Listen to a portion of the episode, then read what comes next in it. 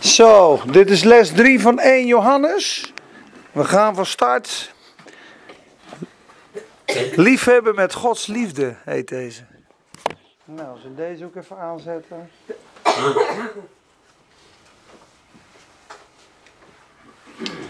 Zo.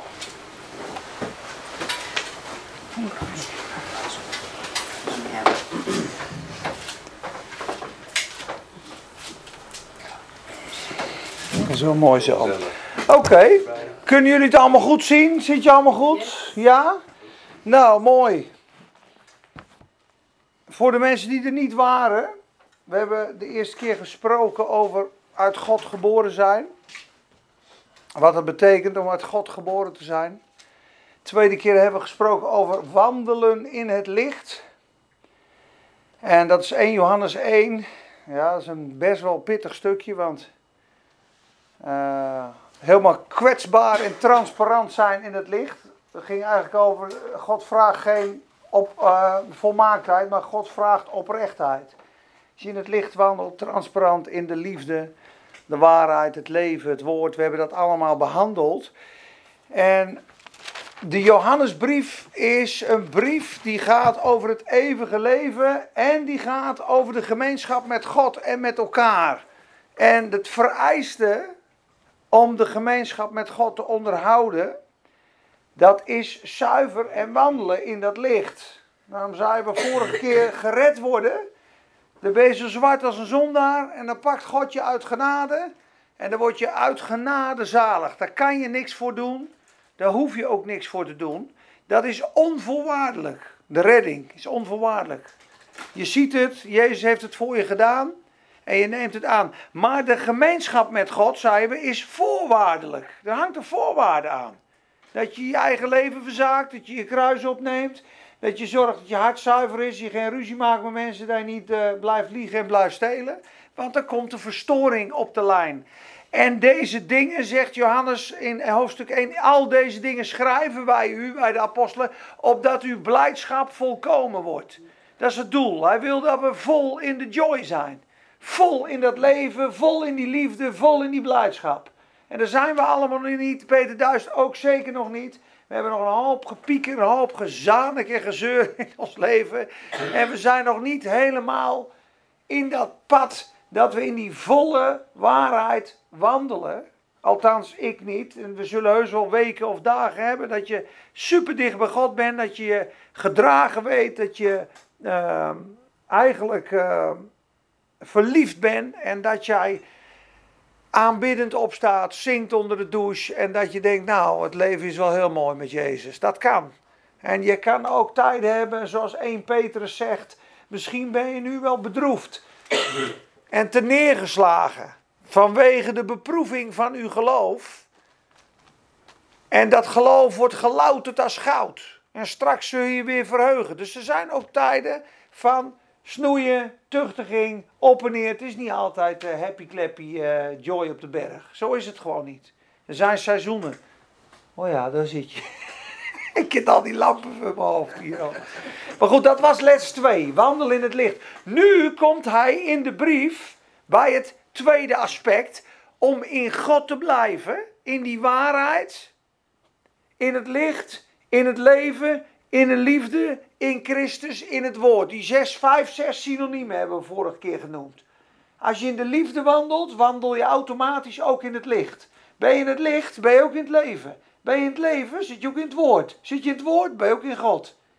En dat zegt Johannes, als je lief hebt, ben je in het licht. Iemand die zegt, ik heb God lief en wandelt in de duisternis, dan zegt hij, dat kan niet, die is aan het liegen. Dat klopt niet. Want als je in het volle licht bent, ben je ook in de volle liefde. Dus het gaat constant over in de liefde, in het licht, in de waarheid, in het woord. Hij probeert dat te beschrijven. En nu het tweede gedeelte wat hij aangehaald is broederliefde en liefde voor God. En dan gaan we de hele brief door. Ik heb hier wel twaalf teksten. Het gaat allemaal in 1 Johannes. Allemaal een stapje verder gaan we straks behandelen.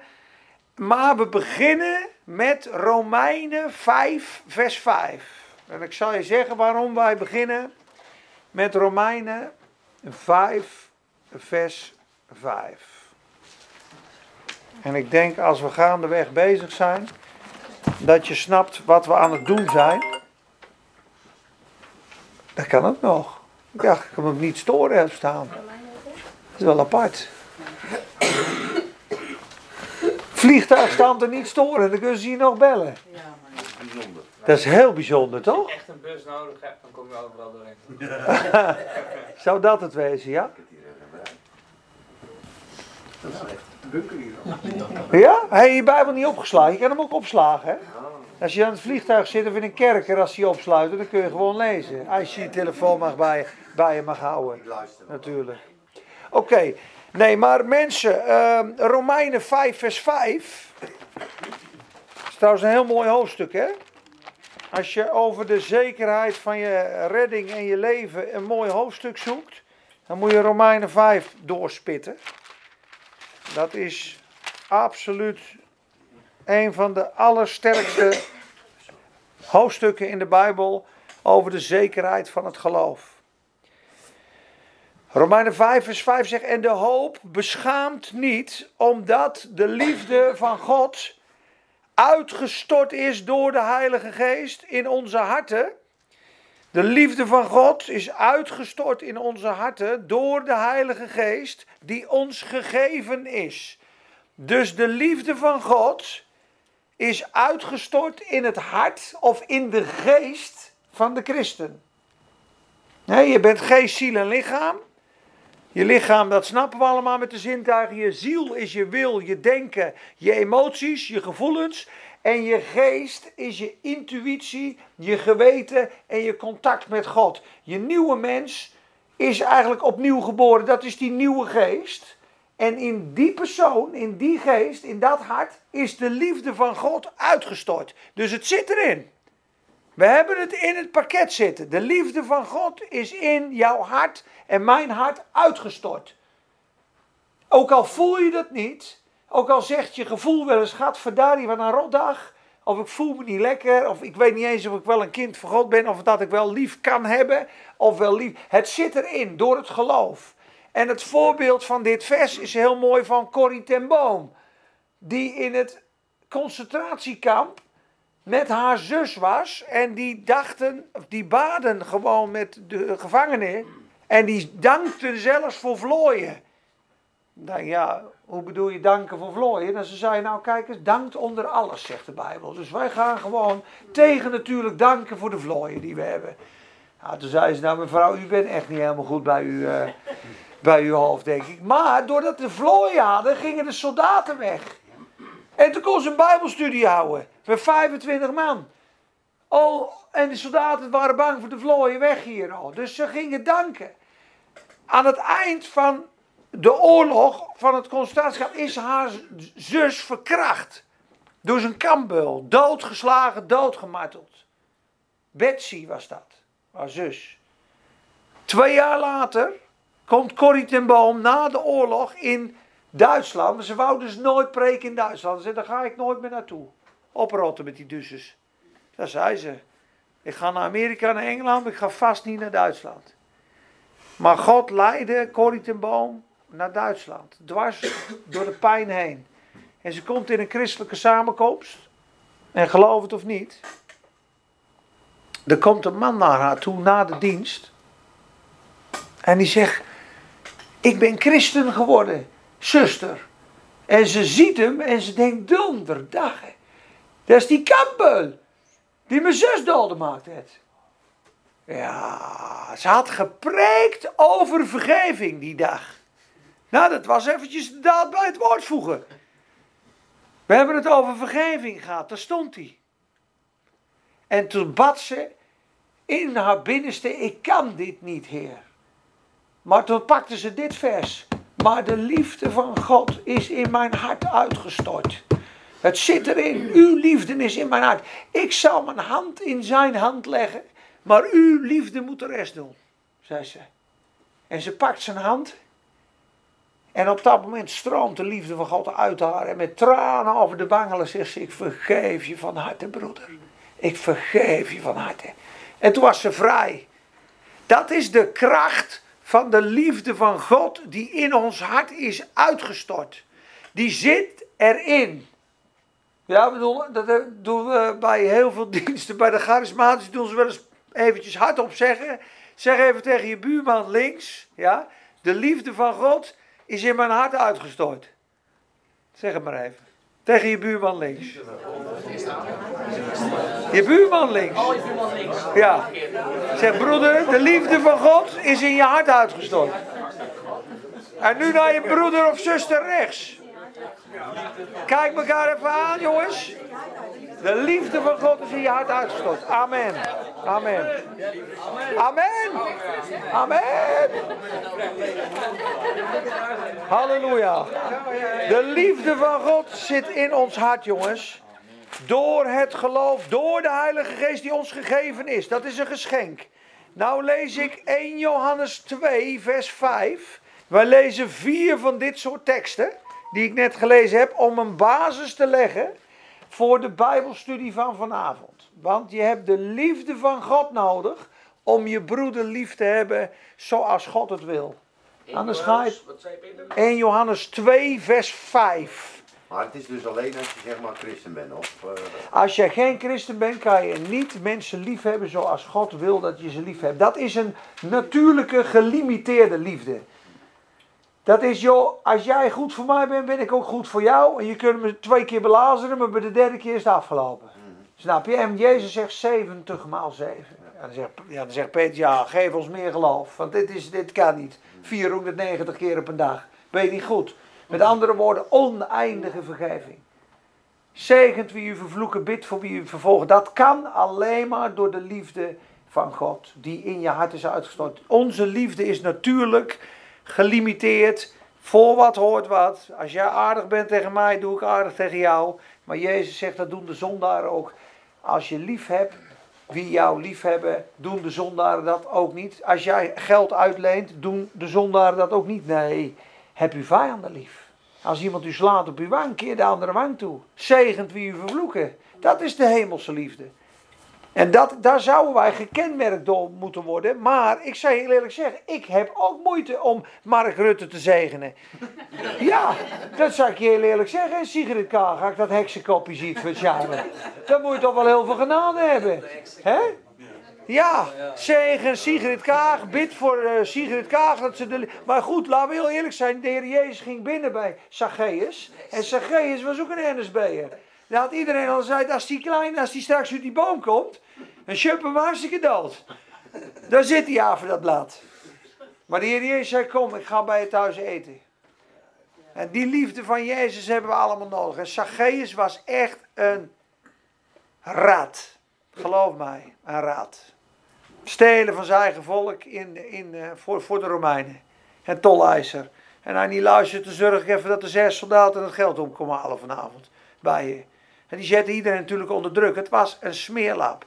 Maar hij had gehoord van Jezus. Dus alle mensen die ons land kwaad aandoen, die niet een goede zin hebben, die in mijn ogen corrupt zijn, die moeten we zegenen. En daar heb ik ook moeite mee. Maar uiteindelijk mag je niemand veroordelen. Want uiteindelijk is het geweldig als ze tot Christus komen. En dan moeten we voor ze bidden en voor ze hopen. Want wat is het mooi als Mark Rutte of Hugo de Jonge aangeraakt wordt door Gods liefde. En zegt, jongen, wat was ik toch een smeerlap. Maar ik heb hem gevonden. En mijn hart is zuiver geworden. En dan zeggen we, broeder, welkom to the club. Ja, laten we het hopen dat hij de volgende week ook is. Stapt hij dan over naar CDA? Oh, dan heb ik ook geloof nodig hoor. Nee. Oh. Oké, ik begin eventjes in 1 Johannes 2, vers 3. Christus geboden in acht nemen, staat erboven. Hierdoor weten wij dat wij God kennen, dat wij Hem kennen, namelijk als wij Zijn geboden in acht nemen. Wie zegt, ik ken God en Zijn geboden niet in acht neemt, is een leugenaar en in hem is de waarheid niet. Maar een ieder die zijn woord in acht neemt, in hem is werkelijk de liefde van God volmaakt geworden. Vroeger las ik dit zo.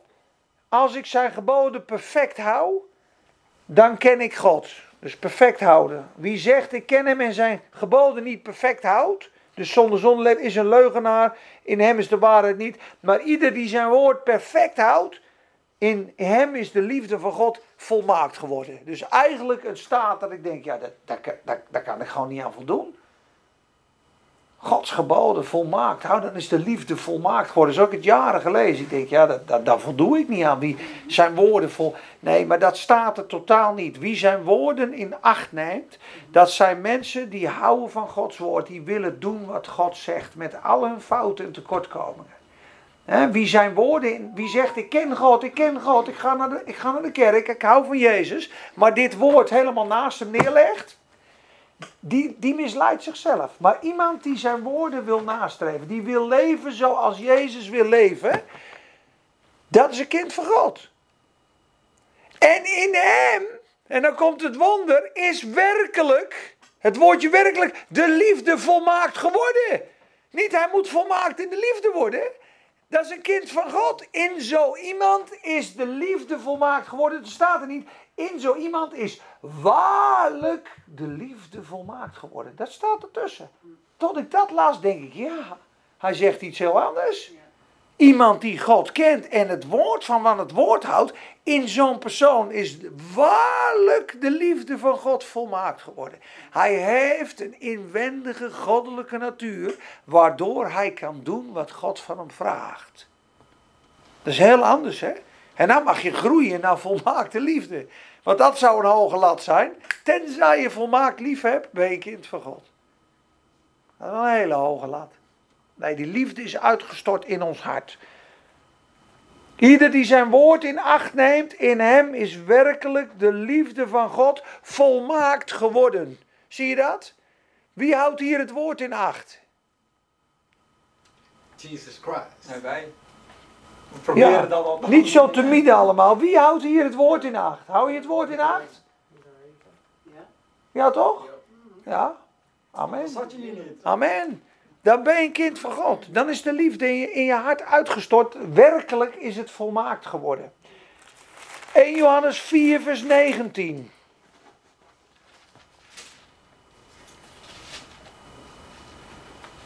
Wij hebben lief, wij hebben God lief, omdat Hij ons eerst lief had. De kracht om God lief te hebben wordt gevoed door Gods liefde voor ons. Wij hebben lief, we hebben mensen lief, we hebben God lief. Waarom? Omdat Hij ons eerst heeft lief gehad. Dat moet de brandstof zijn van onze liefde. Dus de liefde woont in je. De liefde is volmaakt geworden in je. God heeft je lief. En dan de laatste, als basis voor het onderwijs. Colossense 1, vers 4. Dat is een dijk van een tekst. En als jij zou vragen, Peet, hoe gaat nou mijn geloof groeien? Hoe gaat nou mijn liefde groeien? Want dan strek ik me naar uit. En elke Paulusbrief gaat daarover. Mijn broeders, uw liefde groeit, uw geloof groeit. Ik ben hartstikke blij met jullie. Jullie gaan lekker, jongens. Jullie geloof en liefde groeit uitzonderlijk hard. Weet je wat de krachtbron is van het geloof en de liefde die groeit? Dat ga je nu lezen. In Colossense 1, vers 4 en 5.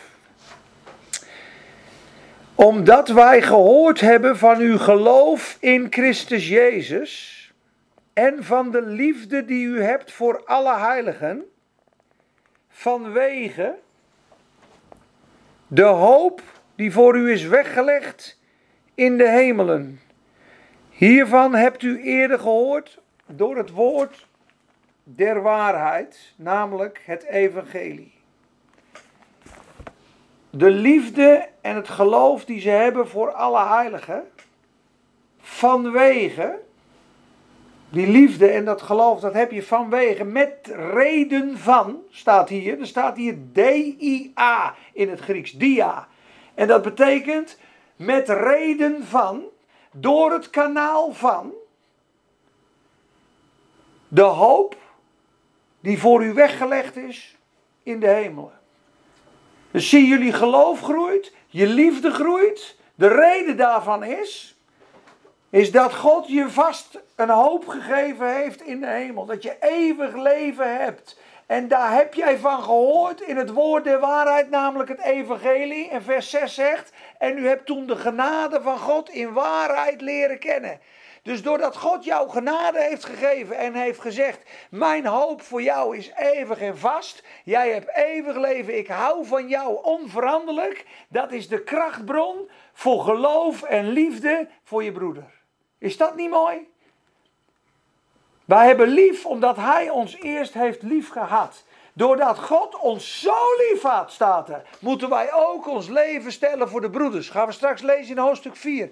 Broeders, als God ons zo heeft lief gehad, moeten wij ook ons leven stellen voor de broeders. Hoe lief had hij ons? Toen wij nog zondaren waren. Toen wij smerige, corrupte ratten waren. Toen bewees God zijn liefde aan ons door Christus te geven toen wij nog zondaren waren. En hij rechtvaardigt de goddelozen. Toen wij gewoon zwaar schuldig stonden, was er één die in de hemel keek. Die denkt, als ik niet ga, gaan ze allemaal verloren. Ik heb ze lief. Ik heb die vijand lief. Ze hebben ze de rug naar mij toegekeerd. Maar ik zal gaan, vader, om de prijs voor ze te betalen. Want anders gaan ze voor eeuwig verloren. Maar ik heb ze zo lief. Al zo lief had God de wereld.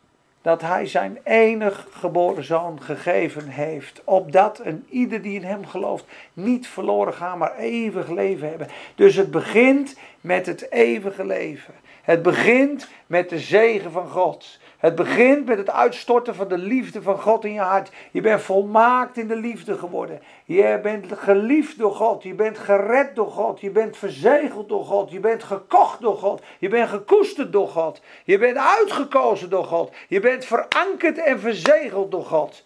Je bent voor eeuwig en voor altijd in zijn hand.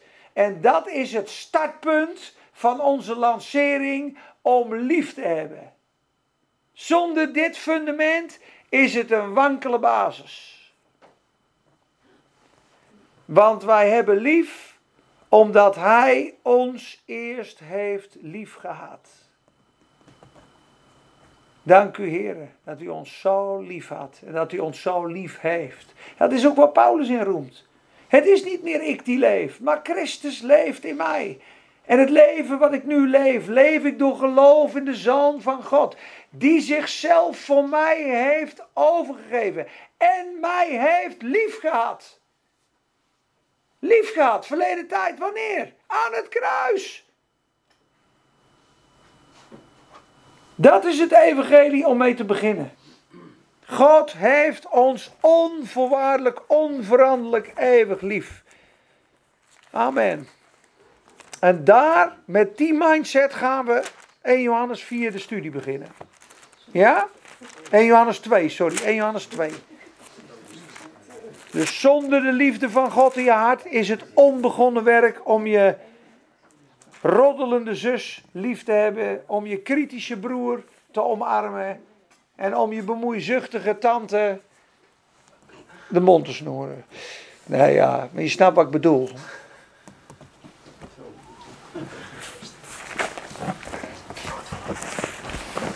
Dus wandelen in het licht is vereist om in God te blijven, wandelen in oprechtheid, wandelen in het woord, wandelen in Christus. En punt 2 is wandelen in de liefde. Daar komt hij. We gaan beginnen. Wat voor vers? 1 Johannes 2 vers 7, sorry. 1 Johannes 2 vers 7 tot 11 gaan we lezen. Ja, we gaan een beetje surfen. Heb je hem? Ja? Top. Broeders, ik schrijf u geen nieuw gebod, maar een oud gebod dat u vanaf het begin hebt gehad. Dit oude gebod is het woord dat u vanaf het begin hebt gehoord. Ik heb er hierbij staan, toen wist ik het nog niet. Wat is dat oude gebod? Ik ga het straks vertellen. Toch schrijf ik u een nieuw gebod dat waar is in hem en in u, want de duisternis gaat voorbij en het ware licht schijnt reeds. Wie zegt dat hij in het licht is en zijn broeder haat, die is tot nog toe in de duisternis. Wie zijn broeder lief heeft, blijft in het licht. Wie zijn broeder lief heeft, blijft in het licht. En er is in hem niets dat de anderen doet struikelen. Maar wie zijn broeder haat, is in de duisternis en wandelt in de duisternis en weet niet waar hij heen gaat, omdat de duisternis zijn ogen heeft verblind. Wie zijn broeder lief heeft, blijft in het licht.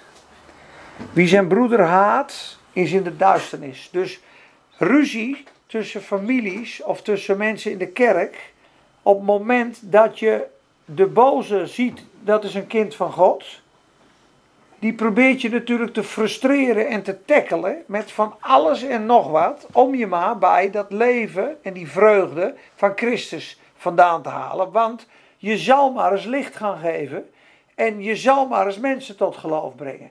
Dus hij wil het liefst dat je in twijfel, ontmoediging, onzekerheid, ruzie, duisternis, wereldgelijkvormig, zwak, piekerend.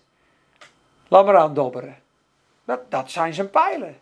Van aanklacht, God heeft jou niet lief, je hoort er niet bij. Of hij zorgt dat je gekwetst wordt door een ander. Even ruzie, even een hele lage steek. Dat kan maar zo gebeuren. Ik heb het wel eens meegemaakt, dan was ik echt lekker met de Heer. Ik denk, nou, het gaat goed. En ineens kreeg ik een aanvaring met een broeder. En het was weg. Die, die, die, die, die blijdschap, die zalving. Dat, dat, dat, en ik was er echt goed van slag van. En ik werd, ik, ik, ik werd ook boos dat hij eigenlijk die zegen bij me weggehaald had. Met zijn gezanik en gemekker. En ik bleef er best lang in hangen. En ik heb dat stukje heel lang kwijt, kwijtgeraakt. Die zuiverheid, die liefde, die blijdschap. Die zachtheid. Die zachtheid van ja, dus die liefde zit in jouw geest. In jouw hart is die uitgestort. Maar hij komt er niet uit in je ziel en hij komt er ook niet uit in je vlees. Dus als je wandelt naar het vlees, naar je eigen kunnen, word je gefrustreerd en boos. En natuurlijk, dan stroomt er, ja, het stroomt misschien van binnen, maar het komt er niet uit. Als je in je ziel wandelt, sensueel, komt het er ook niet uit. Een gevoelsmens, je voelt het niet lekker, je doet niet lekker. Nee, het stroomt pas als je in de geest bent, in die liefde, in die overgave, in die zuiverheid, in die blijdschap. Daarom zegt de Bijbel ook, de genade van onze Heer Jezus Christus, zij met u. Geest. Wie zei dat? Goed zo, broeder. Jij? Halleluja. Galaten, Galaten 6, vers 18. Laatste vers van Galaten zegt: De genade van onze Heer Jezus Christus zij met uw geest. Filemon, laatste vers. De genade van onze Heer Jezus Christus zij met uw geest. 2 Timotheus 4, vers 22. De Heere Jezus Christus zij met uw geest. Dat zijn drie sleutels die je hele leven mee moeten gaan. Want als je Christus niet ervaart, zit je in je ziel of in je vlees. Als je Christus ervaart, is het altijd in je hart, in je geest. Dan ben je in de geest, in de hemelse gewesten, in het zoonschap. En ineens is alles reëel en echt. In de geest, de geest van de realiteit. Daarom piekeren wij zoveel als we, net als de Israëlieten in de woestijn zitten. Die woestijnperiode. Wat een gezin hier al. Hebben we de vleespotten van Egypte dan maar. Weer een rots die geen water geeft. Weer donder. Ik loop al drie dagen op mezelf. Dat, dingen. En we kunnen nog niet eens je eigen wassen. Je mekkert, je zeurt, je piekert. Je, je wordt getest, getest en getoetst. En wij moeten constant dwars door die ziel heen naar die geest gaan. In die rust, in die binnenkamer. Heere Jezus, hier ben ik. Met al mijn grote mond, met al mijn boosheid, hier ben ik. Met al mijn frustratie, hier ben ik. En hij dan, en hij dan, en zij dan. Wat ziet gij de splinter in het oog van uw broeder Peter? En je merkt de balk in je eigen oog ook niet. Haal de balk uit je eigen oog, aheugelaar. Dan ben je scherp aan het zien om een ander te veroordelen. Je staat weer klaar met je eigen vinger. Je bent een, goede advocaat voor jezelf, maar een strenge rechter voor een ander. Dat zei Nicky Gumbel wel eens. Daar zet hij gelijk in. Wij zijn allemaal rechters voor een haar.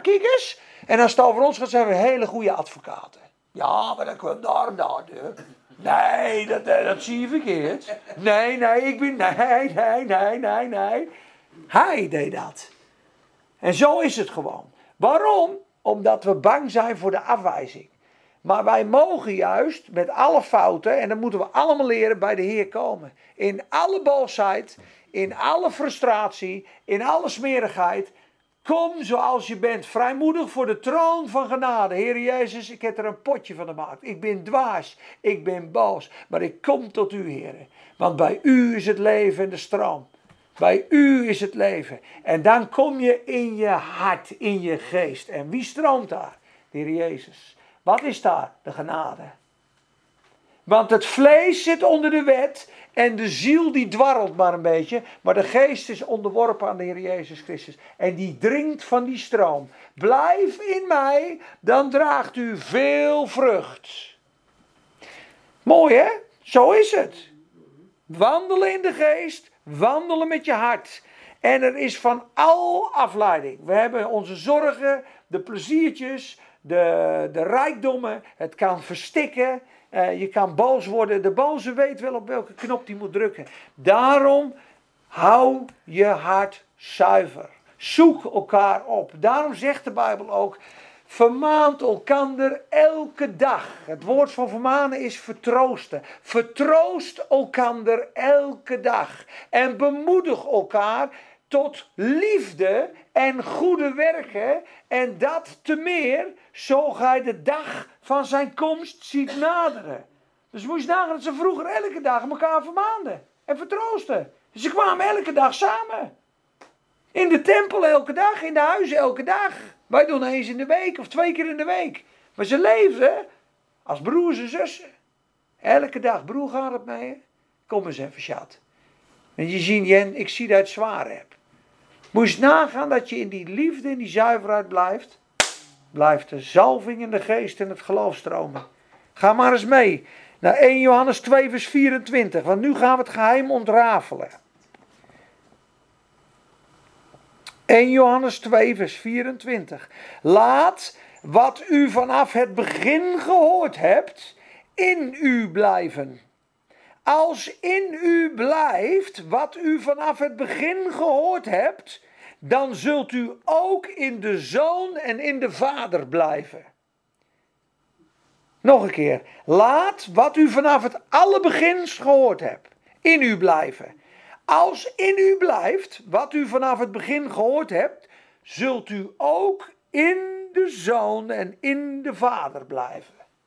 Wat is dat woord? Wat is die boodschap? Wie denkt dat te weten? Als in u blijft wat u vanaf het begin gehoord hebt. Ja, als je gewoon in Christus blijft. Gewoon bijvoorbeeld, eh, je staat op met een bijbeltekst, je gaat gospel eh, de hele dag. Lekker in de gospel blijven, je zit in de flow. Dan eh, blijf ik wel altijd in de flow. En als ik op een gegeven moment de radio over iemand anders, gewoon Q-music, word je toch een beetje weggetrokken. Ja. Door de teksten van, eh, van die andere muziek. Ja, En eh, gospel is opbouwende muziek en die andere vind ik juist afbouwend. zeker. Onbewust, snap je? Gaat het toch op je geest. Zeker, zeker. Hameren. Dan raak je de dood aan een beetje. Ja. Ja, ja dat is gerelateerd goed wat je zegt. Alleen,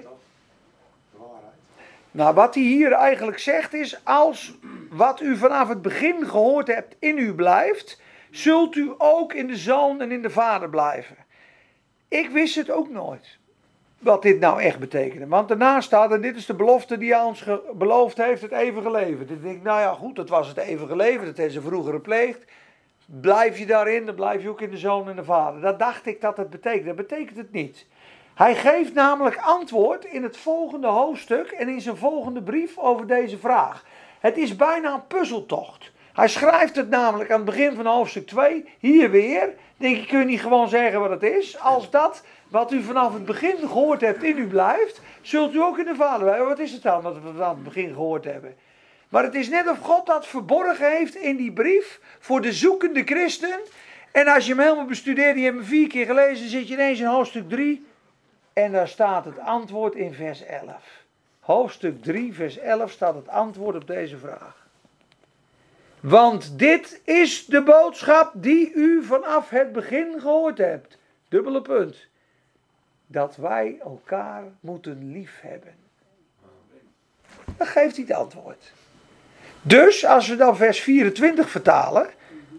Laat wat u vanaf het begin gehoord hebt in u blijven. Dan blijf je ook in de zoon en de vader. Dat is dus je broeder liefhebben.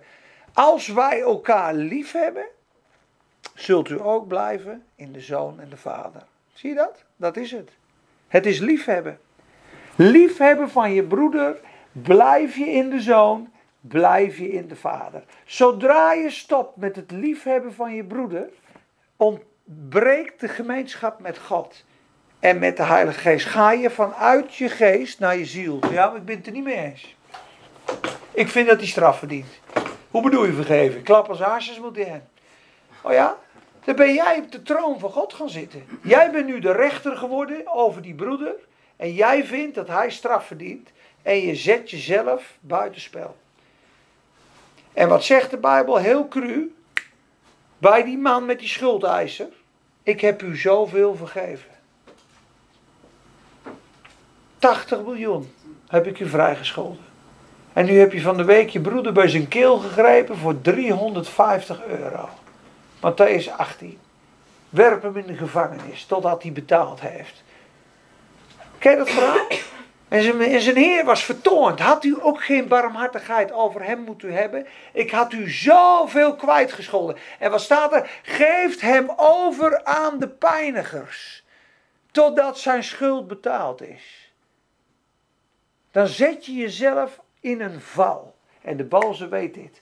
Als ik die christen maar eventjes kan tackelen met een beetje ruzie, met een beetje wrijving, heb ik hem. Kan hij niet meer lekker drinken van de genade, zit hij onder de pijnigers, begint het gezeur bij hem. Totdat hij zegt, heer sorry, ik zegen mijn broeder, vergeef me. Zit je er weer in. Duivel verslagen. De liefdeswandel is essentieel voor de gemeenschap van God. Heb elkander dan vurig lief uit een rein hart met ongeveinsde broederliefde. De wereld zal pas zien als u discipelen van mij bent door uw onderlinge liefde onder elkaar. En wat hebben we hier een goed getuigenis in Spakenburg, hè? Met 25 kerken op 30.000 mensen. Top gedaan, jongens. Maar stel nou dat een broeder je elke keer aanvalt met het woord, weet je wel, en die zegt allemaal van, ja, dit klopt niet wat jij zegt en dit klopt niet wat jij zegt. Ja. Terwijl ik dat wel geloof. Ja, Eh, ja, op een gegeven moment zeg ik tegen die broeder van, hoor eens vriend, eh, ik hoef jou even voorlopig niet te zien, want ik geloof dat dus wel. dat Maar, snap ik. eh, jij niet, dus ja. kan je nog steeds lief hebben. vrienden, Ja, maar ik heb echt ja, geen zin in jou. precies. Dat is heel Maar dan ben normaal. ik toch wel een beetje boos, weet je. Ja. Want ik denk van, donder, Ja, snap ik. En hoe zit dat dan? Nou, je, één, je mag boos zijn. Word boos, maar zondig niet. Je mag ook je grens aangeven. Er staat voor zover mogelijk, leef in vrede met iedereen. Voor zover mogelijk, als je je hand toegereikt hebt. En op het moment dat iemand eh, eh, constant in je vaarwater zit, weet je. En dan zegt hij, eh, laat hen varen. Eh, ze zijn blinde leidslieden. En hij zegt zo, kijk uit voor het zuurdezen van de fariseeën. Kijk uit. Dus als iemand constant komt, hé maat, ik zegen je, maar einde discussie. Ik eh, laat ons hart zuiver houden. We, zijn, we, we agree to disagree. Ja, ik zegen je, ik hou van je, maar we gaan hierover stoppen. Dat is heel normaal. Dat heeft niks met haat of liefde te maken. Dat heeft gewoon te maken met je grens aangeven. En je hoeft ook niet iedereen binnen te laten. Want als er vanavond twee mensen aankloppen, we komen wat drinken bij jou. Dan zeg je, ja, vreemdelingen. je- ja, misschien dat de Heilige Geest zegt, laat ze binnen en drink een koffie. Maar je mag natuurlijk zeggen, ja, ik ben aan het slapen. Ik zit hier lekker met mijn vrouw eh, op de tv morgenmiddag om drie uur bij de eerste. Dan kunnen we even een bakje doen als je dat wil of zo. Dus de grens aangeven is niks mis mee. Maar zodra je gaat roddelen en hem gaat haten, geef je voet aan de boze. Ja? Laat van wat u vanaf het begin gehoord hebt in u blijven. Als dat in u blijft, blijft u in de Vader en de Zoon. Wat was het? Dat wij elkaar zouden liefhebben. Ik ga naar 1 Johannes 3, vers 11, waar, eh, ver- vers 10. Dan maken we een sprongetje en dan gaan we dat vers nog een keer lezen. En dan komen we straks bij vers 14. En dat is een heel mooi vers. Dat geeft antwoord op een vraag. Vraag aan Johannes. Johannes is een pastor. Wij vragen nu aan hem, bijvoorbeeld retorisch, hè, of eh, eh, Johannes, hoe herken ik nou eh, of mensen kinderen van God zijn of kinderen van de duivel? Hoe weet ik nou of iemand een kind van God is? Dat gaat hij hier beantwoorden. Kijk maar eens. Hieraan zijn de kinderen van God en de kinderen van de duivel te herkennen. Ieder die de rechtvaardigheid niet doet, is niet uit God. Dat is vrij zwart-wit, hè? Evenmin als hij die zijn broeder niet lief heeft. Want dit is de boodschap die u af- vanaf het begin gehoord hebt: dat we elkaar moeten lief hebben. Niet zoals Kain, hij was uit de boze en sloeg zijn broer dood. En waarom sloeg hij hem dood? Omdat zijn werken slecht waren en die van u zijn broeder rechtvaardig. Verwonder u niet, broeders, als de wereld u haat. De wereld haat de christen. De kern van de wereld haat de christen, jongens. Dat is heftig. Jezus is de meest liefdevolle persoon. Die hebben ze aan een kruis genageld. De kerk, de fariseeërs. Stond honger aan het kruis, kom dan naar beneden. Dat was de Messias. Vol van genade, vol van waarheid, vol van vreugde, vol van liefde. Er was niemand zo zuiver en lief als de Heer Jezus. Dag in dag uit ging die ronddoende genezende, ieder die door de duivel overweldigd was. Er was geen spek kwaad in hem. En toch hebben ze hem gekruisigd. De wereld haat het pure goede van God. Verwondert u niet als de wereld u haat. Wij weten dat we overgegaan zijn van de dood naar het leven. hey, hoe weet je of je een kind van God bent? We weten dat we overgegaan zijn van de dood naar het leven als wij de broeders lief hebben. Simpel hè? Als jij nu rondkijkt in die kring en je houdt van de mensen, je houdt van christenen. En je wordt blij en je hart gaat sneller kloppen als je een christen ziet. Wat is dat voor een teken? Dat is een teken dat jij een kind van God bent. Want de wereld haat de christen. En de christen heeft de christen lief. Dus hij zegt, hoe kan je nou je een kind van God bent? Hou je van christenen? Ja. Moet je blij van? Ja. Ik hou van mijn broeders. Tuurlijk. Dus een kind van God is een teken dat je opnieuw geboren bent. Dat je overgegaan bent van de dood naar het leven. Want anders zou je ze haten en niet uit kunnen staan. Want de wereld haat de broeders. Zie je die scheidslijn?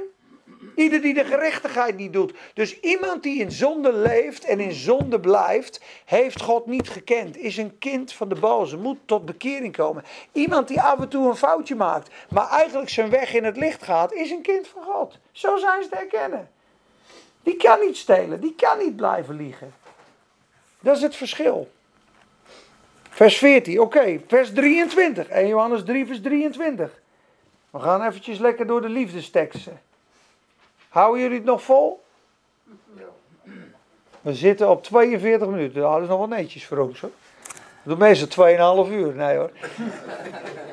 Kan iemand voor mij een glaasje water eh, regelen? Je het volgen, maat? Altijd prijs.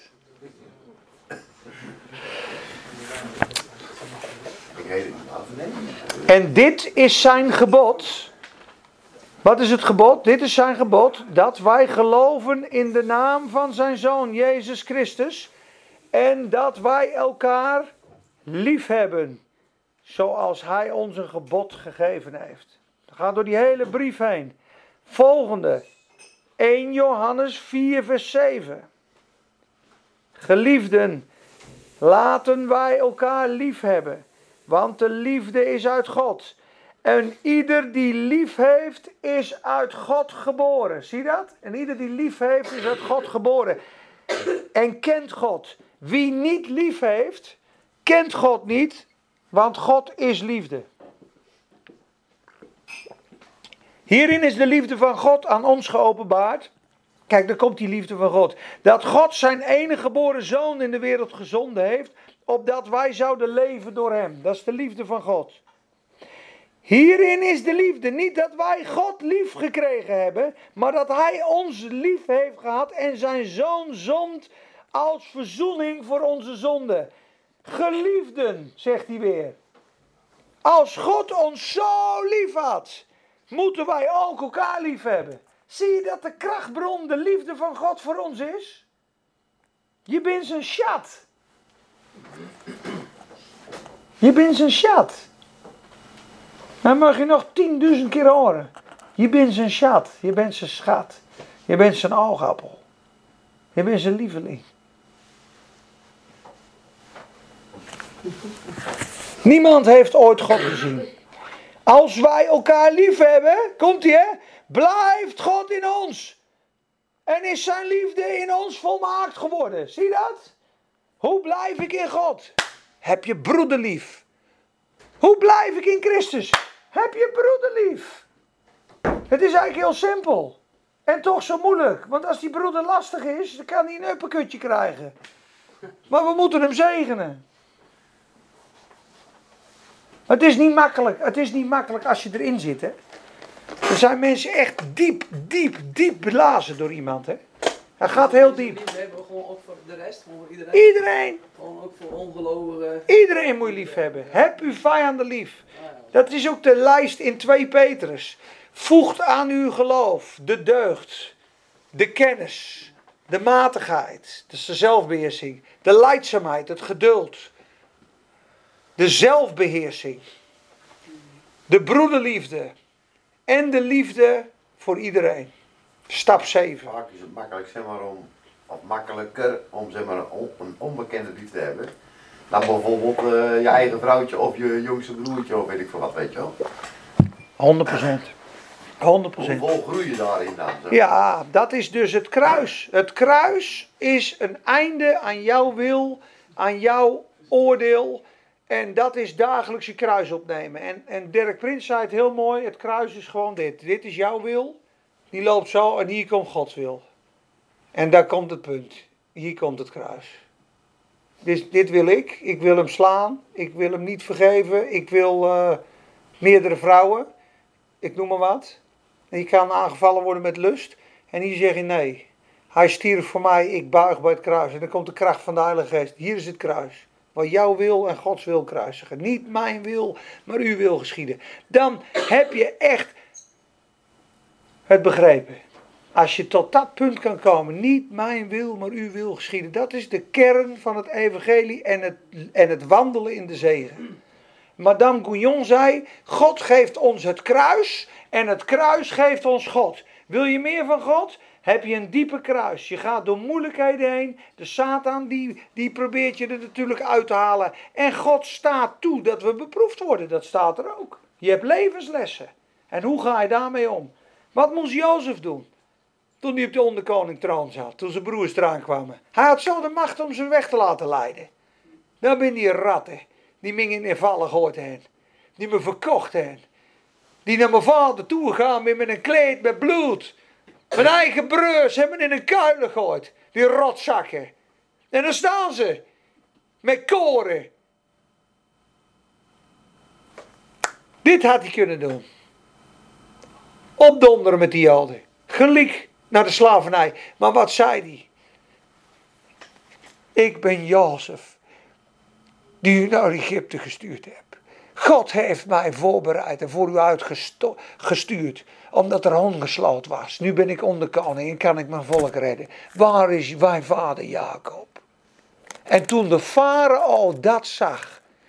Was hij zeer van slag. En was hij zeer gezegend staat er.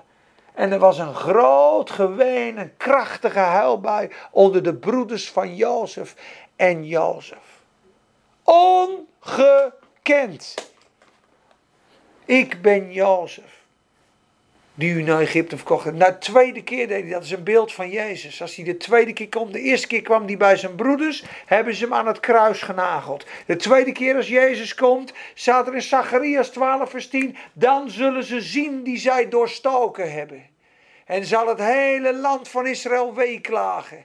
En zien, oh, hier was het wel. De, de Messias, we hebben de Messias gekruisigd. En het hele land zal in rouw zijn, zoals men rouwt van het verlies van een enig geboren kind. En de tweede keer Jezus komt bij het volk Israël, zullen ze hem aannemen. En Jozef was de eerste keer verborgen. Hij liet hen gaan. Hij zei, geef dat bekertje maar even, geef die Benjamin maar hier. Want dat wist hij. Totdat die vader kwam. En de tweede keer kwamen ze terug. Deed hij zijn masker af. En zei hij, ik ben Jozef. Dat is een beeld van de Heer Jezus. Mooi hè? Wie kon dat? Je had maar dit hoeven te doen, Klaas. Afmaken die handel. Dan had hij zijn wraak gehad. Maar hij vergaf. Dat is het beeld van Christus. Dat is Stefanus. Die zijn, die zijn mensen die hem stenen gezegend. Als je daarin kan wandelen, heb je het evangelie begrepen. Maar wie wilde nog sterven voor een ander? Wie wilde nog buigen voor een ander? En het kan ook zijn dat je de liefde van God voor jou niet begrepen hebt. Dat je een karige tank hebt, dat je het maar moeilijk vindt om mensen lief te hebben. Maar als je tank gevuld is met Gods liefde, heb je geen recht meer om te oordelen en zeggen: Ik zelf was schuldig, zwart als roet. Ik ben gewassen door het bloed uit genade.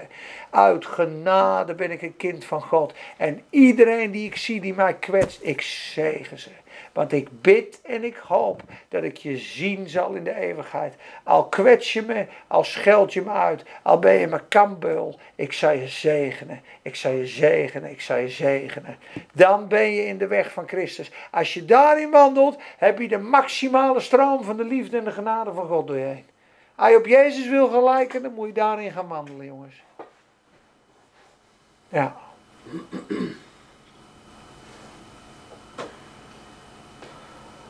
We zijn stil, wat? Ja, dat, daar word je ook stil van. Ik ben Jozef, die u verkocht hebt naar Egypte. En wat een gebeen. En weet je wat het erge was? Dat staat er daarna. En dat heb ik een keer gehad van de Heer. Volgens mij is dat Genesis 50, vers 17. Er staat Jozef huilde. Want toen hij zijn broers vergeven had, woonden ze in Gihon. Dat is dichterbij komen. Het is een beeld dat je dichter bij God gekomen bent. En toen Jacob, hun vader, in Egypte gestorven was, toen zeiden zijn broeders dit.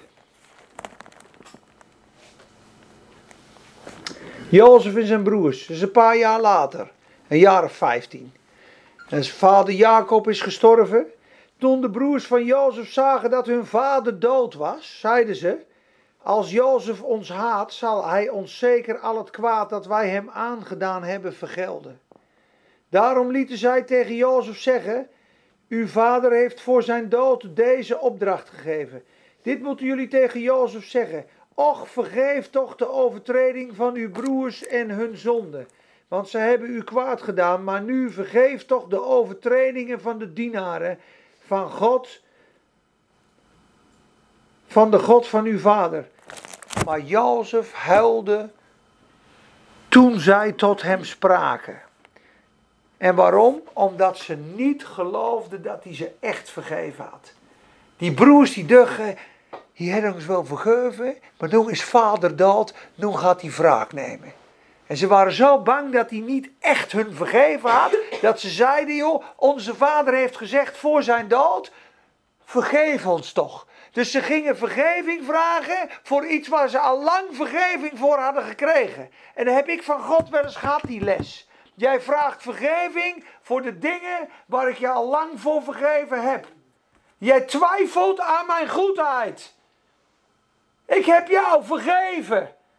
Volkomen vergeven. Toen jij mij aan het kruis sloeg met jouw zonde. Toen jij mij in de put gegooid hebt. En toen Jacob eigen gerechtigheid en listigheid stierf. Toen Jacob weg was, kwam die angst. Zou die echt zo goed wezen? Zou die jongens echt vergeven? En toen komt hij met wraak, let maar op. Dat dachten ze. En het hart van Jozef brak. Jozef weende, staat er. En God liet mij zien, ik word er verdrietig van. Als je twijfelt aan mijn vergeving en mijn goedheid die ik voor jou heb. Want jij vertrouwt niet dat ik jou echt vergeven heb. Jij denkt dat ik jou nog ga straffen. Mag ik vragen waarom je daar aan twijfelt? Ja, dat is denk ik eh, een strijd van mijn leven. Want ik ben eh, toen teruggevallen aan drugs. Dat is, dit is een punt denk ik van 15 jaar geleden. Dat je eh, vaak viel in zonde. En dat je dan dacht, je hebt het verspeeld. Dat je bang was voor God. Van zit er geen straf aan vast? Is het echt wel, ja hij is gekruisigd. Maar is dat niet alleen maar voor het verleden? En daar worstel je wel eens mee. Dat je denkt, ja, is alles echt vergeven? Dus die strijd had ik en nog wel eens. Dan denk je, ja, is het echt vergeven? Ben je echt vergeven? Want ja, dat je niet be- beschaamd uitkomt. Kijk, de Bijbel zegt, wie op hem vertrouwt zal nooit beschaamd uitkomen. Maar ik ervaar wel eens die angst. Je zou er niet, je zou er niet misleid wezen of dat je afgewezen wordt. Ja, daar word je mee aangeklaagd, mee aangevallen. Ja, dat herken ik. Ja, en ik, ik was toen aan het lezen en toen ik dit las en ik, ik luister, de, de Satan is de aanklager van de broeders. Die zal je altijd aanklagen op je, je, je oprechtheid, je vergeving, je staat voor God. Hij komt altijd met aanklacht en schuld. Je bent schuldig voor God. Je hebt gezondigd. Dan komt hij met zijn aanklacht. En dan moet je gaan staan. Dat klopt. Maar het bloed van Christus heeft gevloeid voor mijn zonde. Tot ziens en aan u. En ik zal nog vele fouten maken in mijn leven, maar ze zijn gedragen door het lam aan het kruis. En ik volhard niet in mijn zonde, ik wil totaal niet zondigen. Maar als ik val, je hebt helemaal gelijk. Ik ben totaal verkeerd geweest.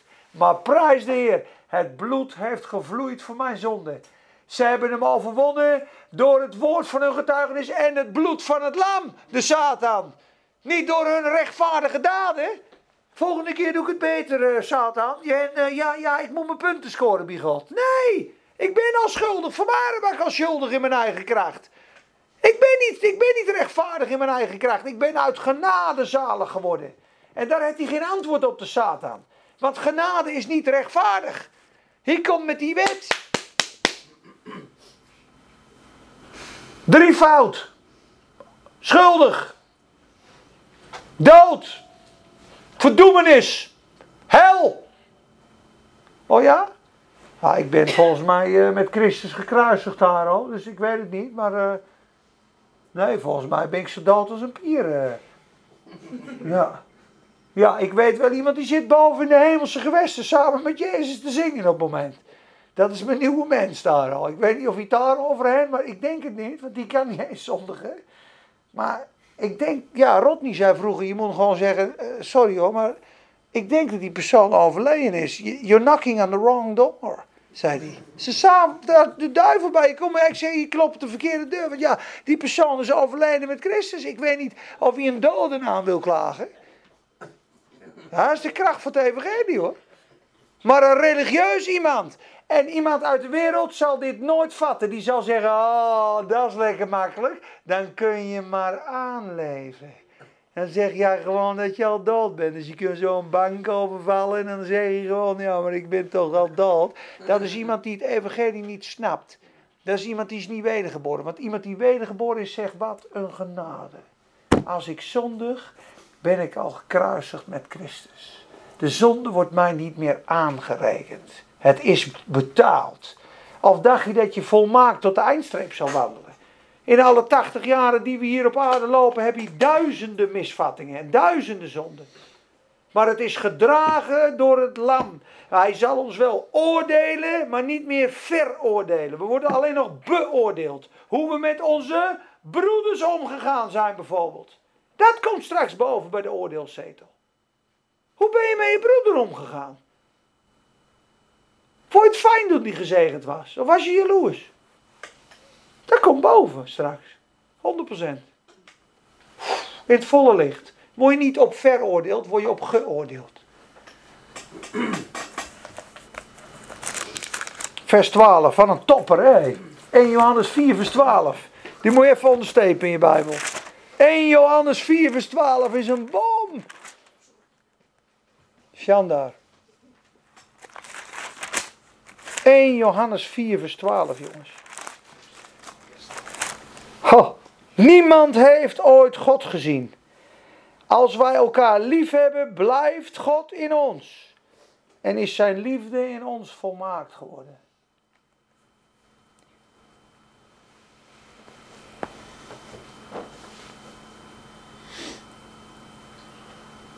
Ja, ik doe nog een klein stukje over de liefde. En dan zijn we klaar. Moet je 2 Johannes ook eens even kijken. Hè? Dat moet je eens even omslaan naar 2 Johannes. Daar staat het ook, hè?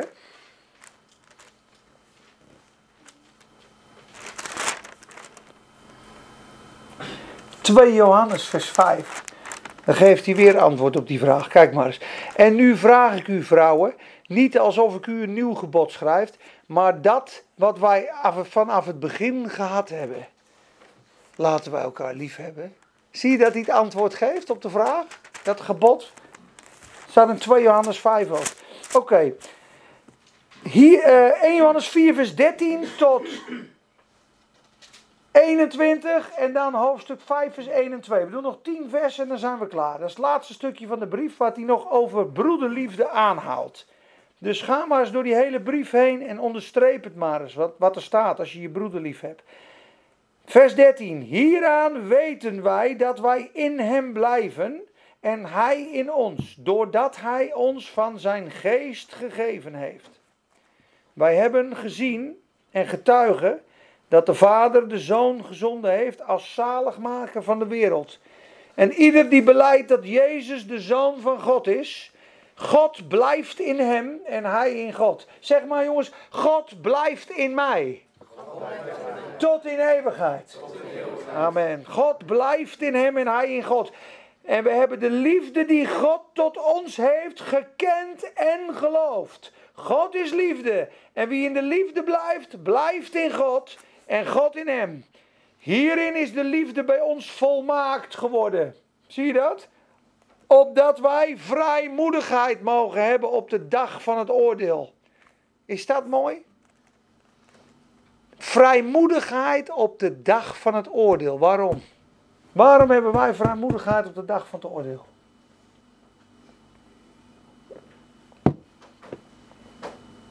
Zijn vrijgesproken. Vrijgesproken. De liefde is bij ons volmaakt geworden. Zodat wij vrijmoedigheid hebben op de dag van het oordeel. Want zoals Jezus is, zo ben ook jij. Je bent net als Jezus, je bent opnieuw geboren.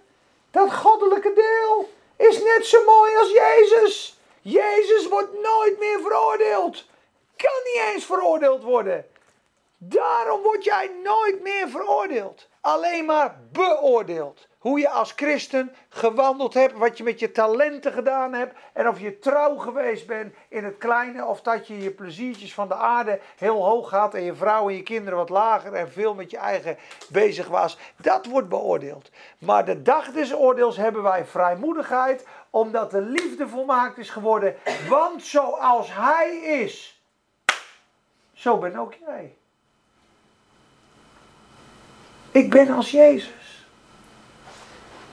Wij zijn als Jezus, uit God geboren. Een kind lijkt ook op jou. Je bent uit God geboren, uit goddelijk zaad. Uit God geboren. Moet je over gaan mediteren, jongens. Een kind van God is goddelijk zaad, uit God geboren. Gods DNA, Gods naam, Gods werkelijkheid. En God gaat nooit meer verloren. Jij ook niet. God kan niet liegen. God kan niet sterven. Er is in de liefde ook geen angst. Maar die volmaakte liefde drijft alle angst uit. Angst houdt immers verband met straf. En wie, wie bang is, is dus niet volmaakt in de liefde. Je hoeft niet bang te zijn, maar als je nog bang, als je nog bang bent, en daar hebben we allemaal last van, is die volmaakte liefde nog niet doorgedrongen tot je, die God voor jou heeft. Dan ben je nog aan het worstelen of je wel goed genoeg bent. Daar hebben we allemaal last van. Ik ook, jongens hoor.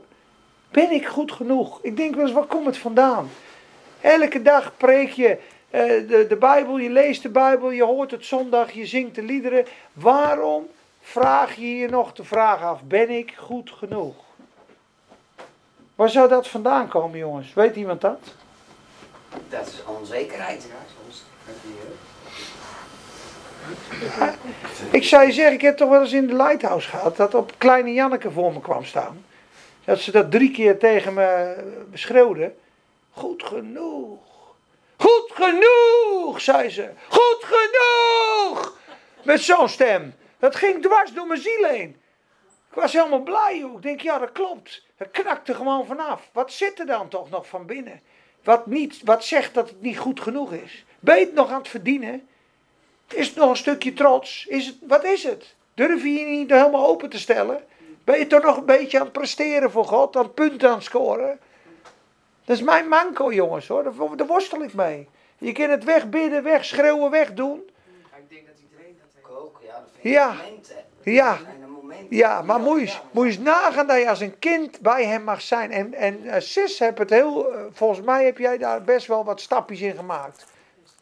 Ja, want je bent een lieverd. Ja. Met een herderlijk hart. Je bent ook wel eens naar me toegekomen dat je bewogen was over mij.